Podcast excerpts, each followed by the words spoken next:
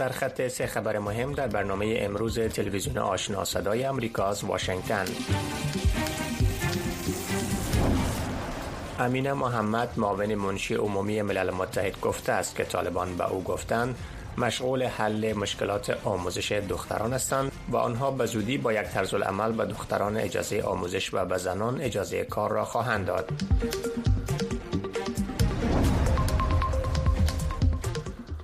عبدالواسع صافی یک نظامی پیشین در حکومت قبلی افغانستان که غیر قانونی از سرحد امریکا عبور کرده و در توقیف نیروهای امنیتی است در ایالات متحده درخواست پناهندگی داده است اما بیم دارد که درخواست پناهندگیش رد گردد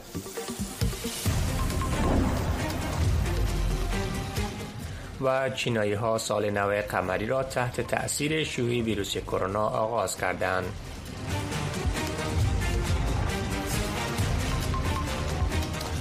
سلام بینندگان گرامی به برنامه امروز خوش آمدید. امروز یک شنبه 22 ماه جنوری سال 2023 میلادی هست. برنامه امروز به طور مستقیم از طریق وبسایت، فیسبوک و تلویزیون تلویزیون آشنا آثار آمریکا نشر میشه و همچنین بر روی رادیو روی موج متوسط 972 کیلوهرتز نشر میشه. من محمد احمدی هستم با آغاز این برنامه امینه محمد معاون سرمنشی سازمان ملل متحد پس از سفر چهار روزش به افغانستان می‌گوید روی کردی را که طالبان در بخش آموزش و کار دختران و زنان افغان انجام می‌دهند در مخالفت با اسلام قرار دارد. امین محمد در مصاحبه با تلویزیون الجزیره گفت نیاز است تا با طالبان گفتگوهای همه جانبه صورت بگیرد. معاون سرمنشی ملل متحد گفت در بخش صحت و تغذیه نرمش از سوی طالبان در نظر گرفته شده است اما گفت که این کافی نیست بلکه این آغاز کار ملل متحد است. خانم محمد می‌گوید با آنکه طالبان بر اهمیت آموزش و کار زنان و حقوق آنها آگاه هستند اما باز هم این محدودیت ها را بر نداشتند.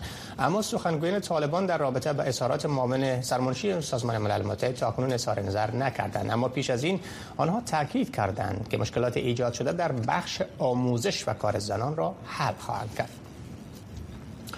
معاونت حکومت طالبان در امور اقتصادی گفته است که زمینه اجرای پروژه تاپی در افغانستان فراهم شده و آمادن تا نیروی ویژه را برای ایجاد تأمین امنیت این پروژه البته ایجاد کنند. اما کارشناسان می‌گویند که زمینه تطبیق این پروژه هنوز فراهم نشده است. در این اعلامیه آمده است که هیئت وزارت دفاع داخله و استخبارات حکومت طالبان چند روز پیش با مقامات ترکمنستان دیدار و در مورد امنیت پروژه تاپی با آنها اطمینان داده است. خط لوله انتقال گاز ترکمنستان از مسیر افغانستان و پاکستان و جنوب آسیا حدود 1800 کیلومتر طول دارد که 736 کیلومتر آن از ولایات هرات، هلمند و قندهار افغانستان می‌گذرد.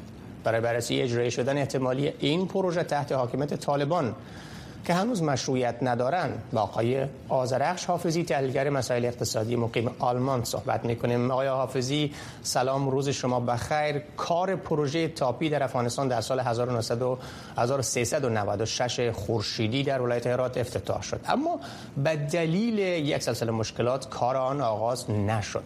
به نظرتان آن مشکلات در او زمان چه بود و آیا در حاکمیت طالبان این مشکلات فکر می‌کنن رفع شده؟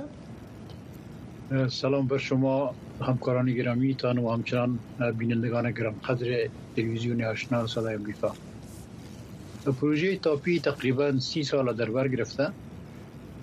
برای افغانستان و منطقه یک پروژه بسیار مهم است. ولی تا حال عملی نشده. گرچه کارهای نظری از این نقشه ها برنامه ها و تمام دفاع تکمیل شده و در ترکمنستان کار عملی از هم شروع شده یک مقدار لولکشی هم صورت گرفته.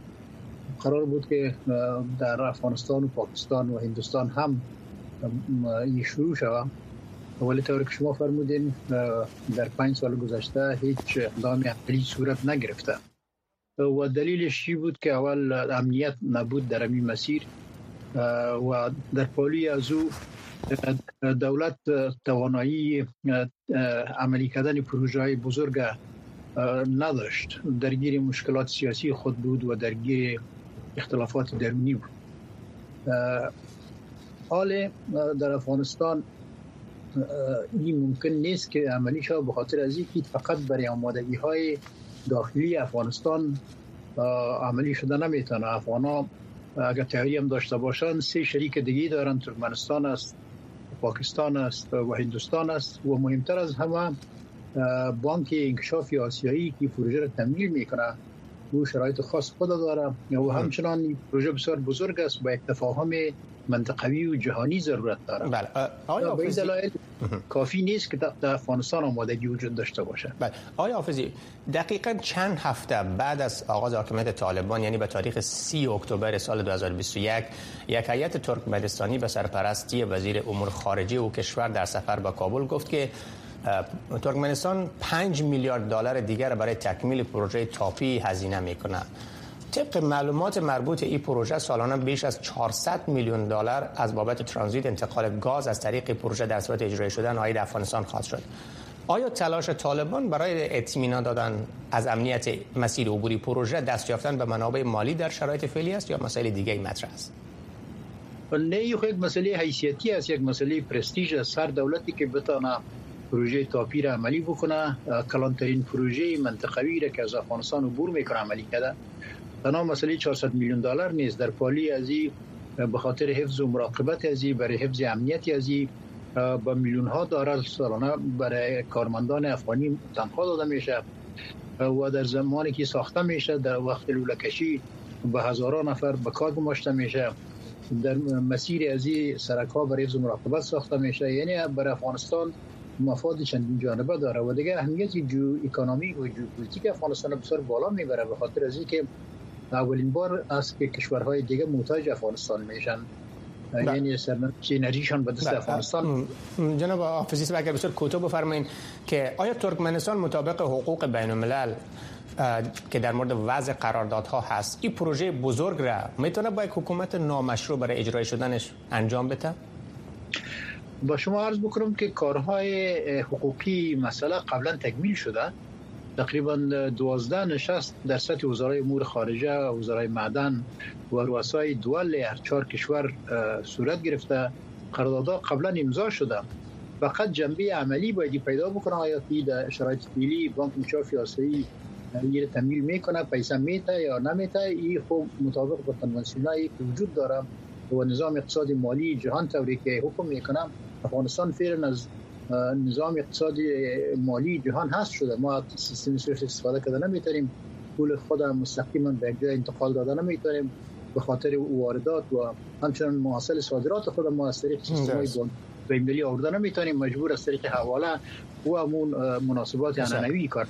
بنابراین این شرایط مشکل است. تشکر از جناب آقای آزرخ شافزی تحلیلگر مسائل اقتصادی در آلمان که دیدگاه خود در مورد این اقدام طالبان بیان کردند. سپاس از شما روزتان بخیر. سلامت باشید. در خبر دیگر ریاست استخبارات طالبان ادعا کرده است که حدود یک هزار تن سنگ های قیمتی حاوی لیتیوم که از نزد طالبان کشف و ضبط نموده و شمار را به شمول دو تبعه چین بازداشت کردند.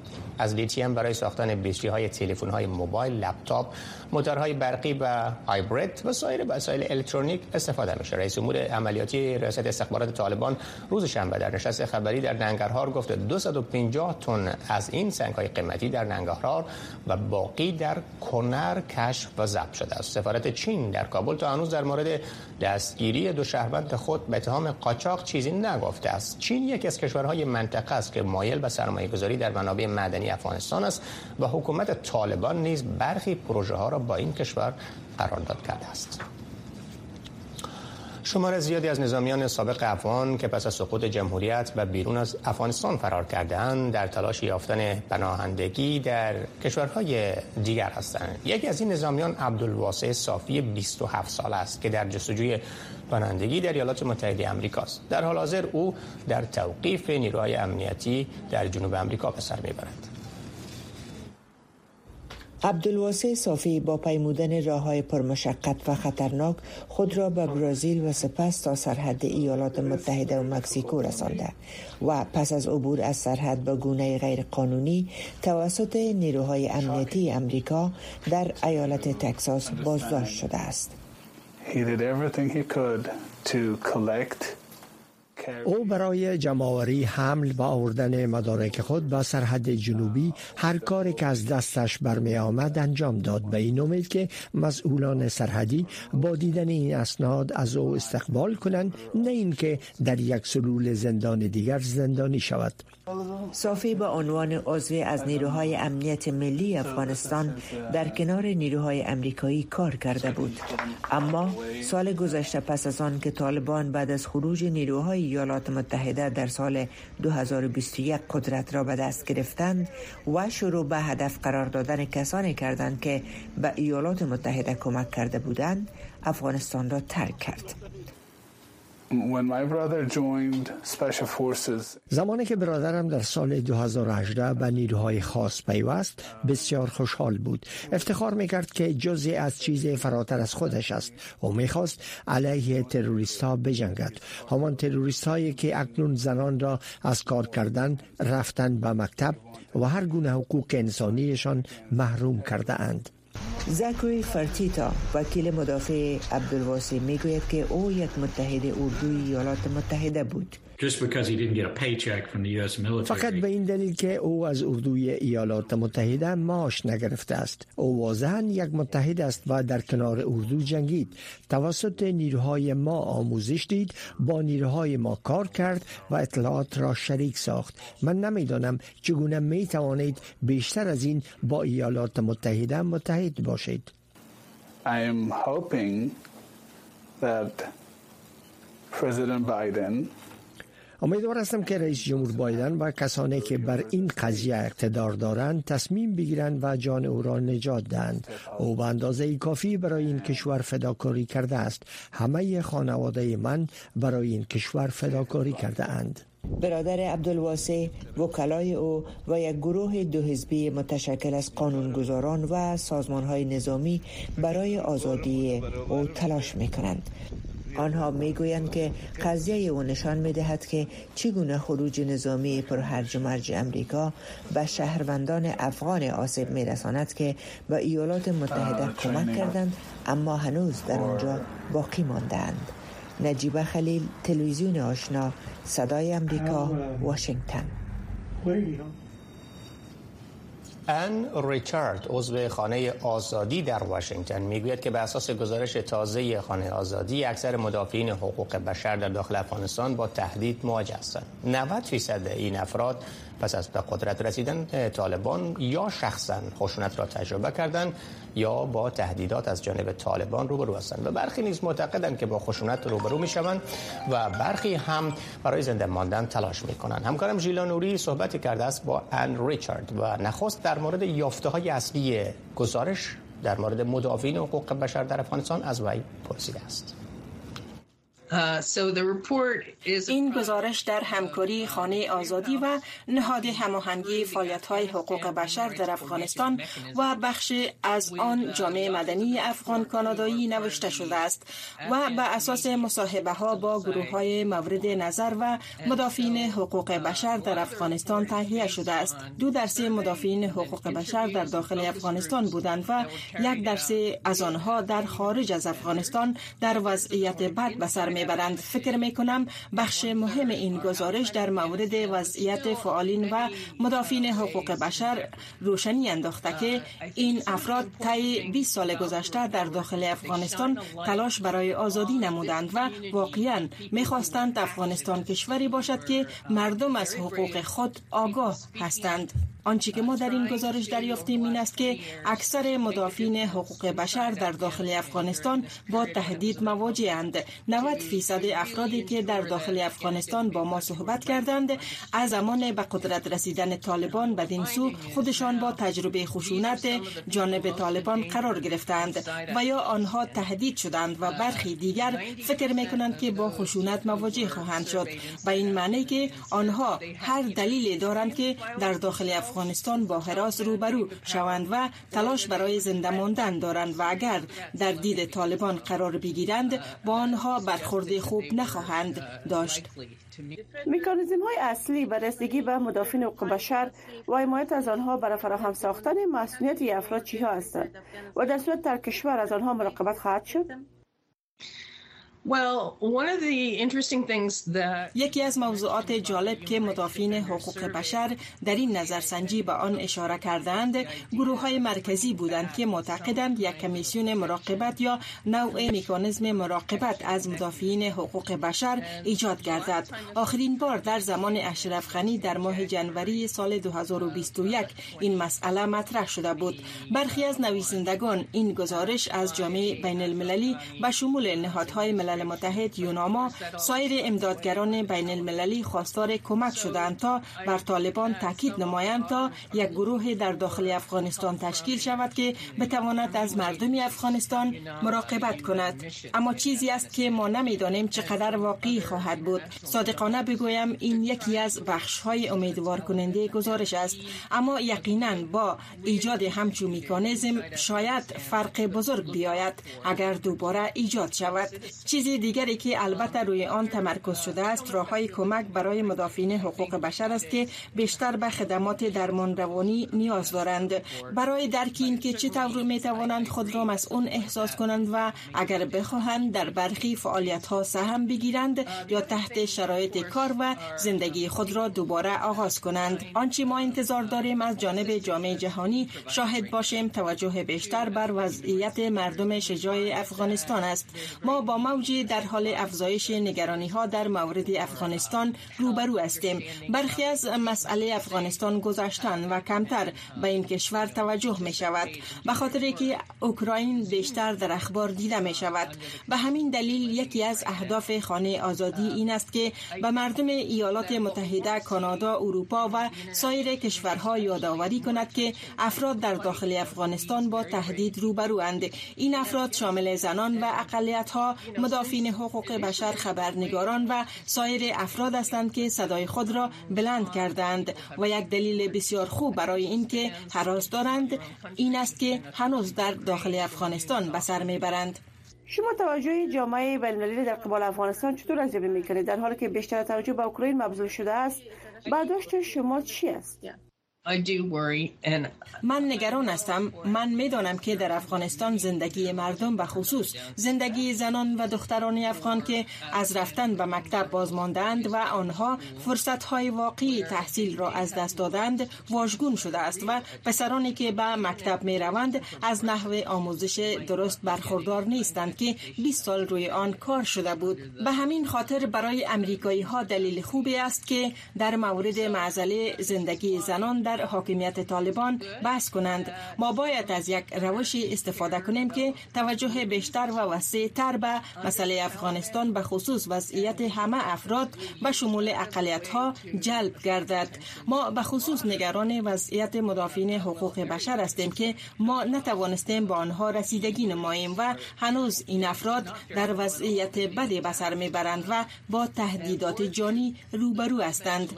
شماری از اعضای جنبش های خود جوش زنان افغان بعد از آمدن طالبان شکل گرفته است و این افراد مدافع حقوق بشر نیستند اما برای اعاده حقوق خود اعتراض می کنند و برخی به خاطر حراس از طالبان و پاکستان متواری شدند برای حمایت از این افراد کدام میکانیزم وجود ندارد؟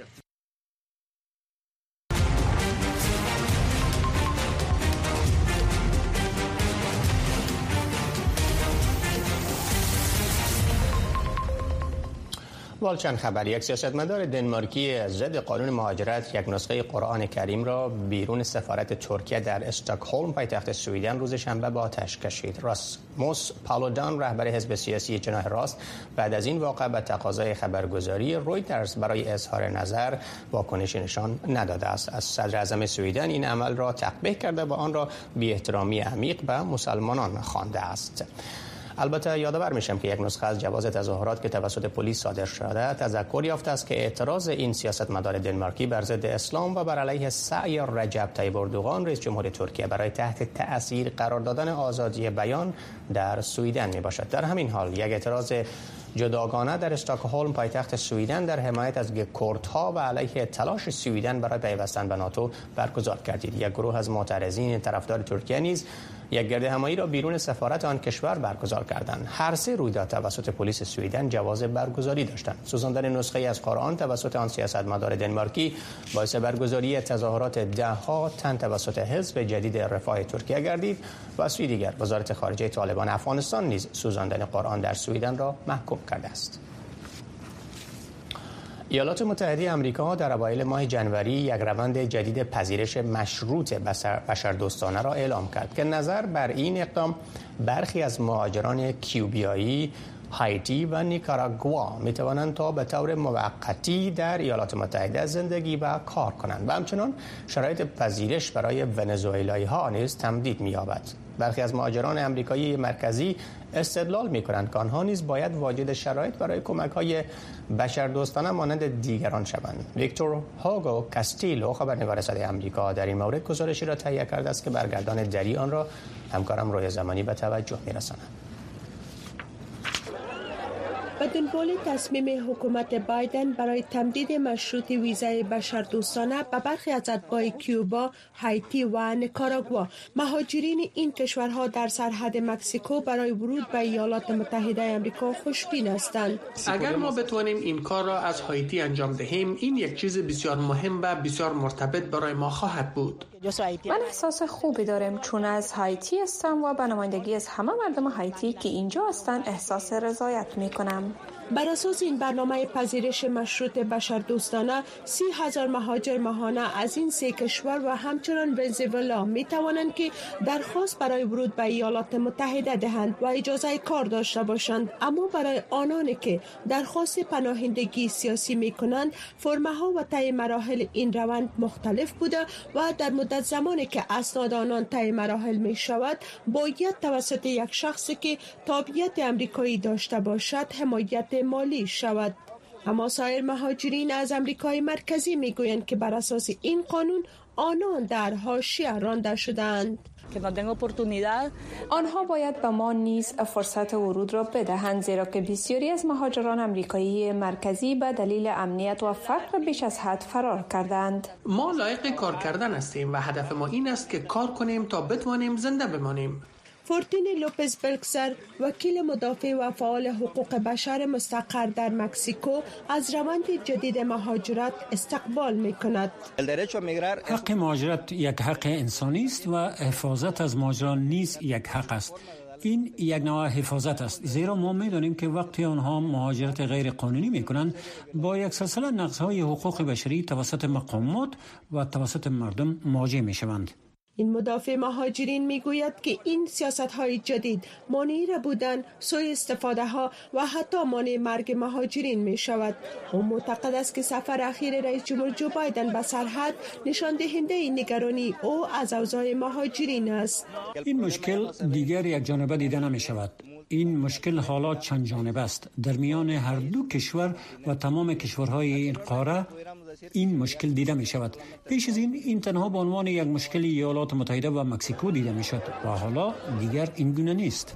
ویزای مشروط بشردوستانه به مهاجرین اجازه می دهد تا درخواست پناهندگی دهند و از مزایای بشردوستانه این کشور در زمان اقامت خود در امریکا مستفید شوند. اما در صورتی که درخواست آنان برای پناهندگی به ایالات متحده قبول نشود بر اساس اظهارات وزارت امنیت داخلی این کشور باید این مهاجرین امریکا را ترک کنند. حکومت سوئیدن امکان لغو اجازه های دائم را در این کشور به بررسی گرفته است. بر بنیاد توافقنامه احزاب راست سوئیدن که حکومت را تشکیل دادن، اجازه های دائمی باید لغو شود و برای افراد واجد شرایط اجازه اقامت موقت خواهد داده خواهد شد. همکنون بیش از 300 هزار تن در سویدن اجازه اقامت دائمی دارند. شماری از پناهندگان و وکیلان مدافع پناهجویان با اظهار نگرانی شدید این تصمیم را برخلاف حقوق پناهجویان و قوانین جهانی و اتحادیه اروپا می‌دانند. ولی آریان خبرنگار صدای آمریکا سویدن در این باره گزارش می‌دهد. بر بنیاد توافقنامه احزاب دست راست که حکومت سویدن را تشکیل دادند اجازه اقامت های دائمی پناهندگان در این کشور لغو خواهد شد. چگونگی عملی شدن این تصمیم به بررسی گرفته شده است. با لغو این اقامت ها پرونده های پناهندگی کسانی که اجازه اقامت دائمی دارند اثر گرفته خواهد شد و اگر این پناهندگان واجد شرایط شناخته شوند اجازه اقامت موقت دریافت خواهند کرد. این تصمیم دولت با واکنش های تند پناهندگان فعالان حقوق مهاجرین و وکیلان مدافع پناهجویان روبرو شده است. نوید سمدی وکیل مدافع پناهجویان در شهر بروز سویدن این تصمیم را ناعادلانه و برخلاف حقوق پناهجویان و قوانین جهانی و اتحادیه اروپا می‌داند. دا خو ظلم دی د هر انسان سره چې د هر ځای سي د افغانستان سي د عراق سي د فلسطین سي یو نفر چې د دلته خپل ژوند ګرځي پر پښو درول یا بیرته دی 15 کال بعد یا 10 کال بعد بیرته دی وغه د ایمي ویزې موقت ویزې ته واړو نو دا خو هر څوک په پیژ په دا کې باید سره نه نسترګي پټي کې ونه باید دفاع وکړي د سیستم. نو این وضعیت شماره از پناهندگان را در این کشور با شدت نگران آینده ایشان ساخته است. جمشید یکی از این پناهندگان است. کسی که هشت سال پیش از راه های قاچاقی به سویدن آمده است و به سختی زیاد و با یک بار رد پروندهش توانسته است که اقامت دائمی در سویدن دریافت کند. تلاش خود بسیار زیاد کردم که بتونم وارد جامعه شوم درس خود خلاص کنم زندگی تشکیل بدم و حالا که تمام به سر انجام رسیده اقامت های مفقت رسیده و اینکه قرار است که را اجرا کنن و استرس و نگرانی ما زیاد است برای آینده ما. احزاب شریک حکومت در سویدن و نیز حزب دموکرات های سویدن که پشتیبان دولت است از دیر مخالفت های سنگین در پیوند به سیاست های مهاجرتی در این کشور داشتند و با روی کار آمدن این احزاب در قدرت سیاست های مهاجرتی سختتر شده است. نوید سمدی وکیل مدافع پناهجویان نگران این است که با عملی شدن این تصمیم دولت زمینه اخراج پناهجویان زیادی از سویدن فراهم خواهد شد. دغه تغیرات دی غواړي چې هغه ماجر چې دلته دایمي قبول سوي دي نو د اوغو ویزې دی غواړي چې د دایمي سي موقت سي برته بیا هر پلا چې د دې د ویزې وخت خلاص بي بیا به برته سره د پاره دی دا کیس ګوري. او کاغه وخت دی دغه هغه نفر یا فامیل ورته ثبوت نکړي چې دا خطر په خپل وطن کې دی ولري نو ریسک ست چې دا خلک برته د خپل وطن ته واستوي با گذشت نزدیک به دو هفته اداره مهاجرت سویدن به پرسش های تلویزیون آشنا صدای امریکا در این زمینه هیچ پاسخی نداده است. و اما پیش از این میکایل ربنویک مدیر کل اداره مهاجرت به تلویزیون سویدن در پیوند به این تصمیم دولت گفته بود که اگر اجازه اقامت دائم می داشت او از چنین اقدام نگران می شد درست چیزی که فعالان حقوق پناهجویان نیست از این اقدام دولت سویدن انتقاد می کنند عملی شدن ای بند بسیار ساده هست قبل از پیشنهاد قانون در پارلمان خوب باید انالیز شود. انالیز کی ها می‌کنه؟ اعضای حزب نجات پرست سویدن یا استی یا دموکرات های سویدن انالیز می‌کنه. اونا مطابق به خواست خود انالیز می‌کنه. خب قبلا بودن محققینی که انالیز کرده اقام موقت باعث بزرگ شدن شکاف جامعه میشه.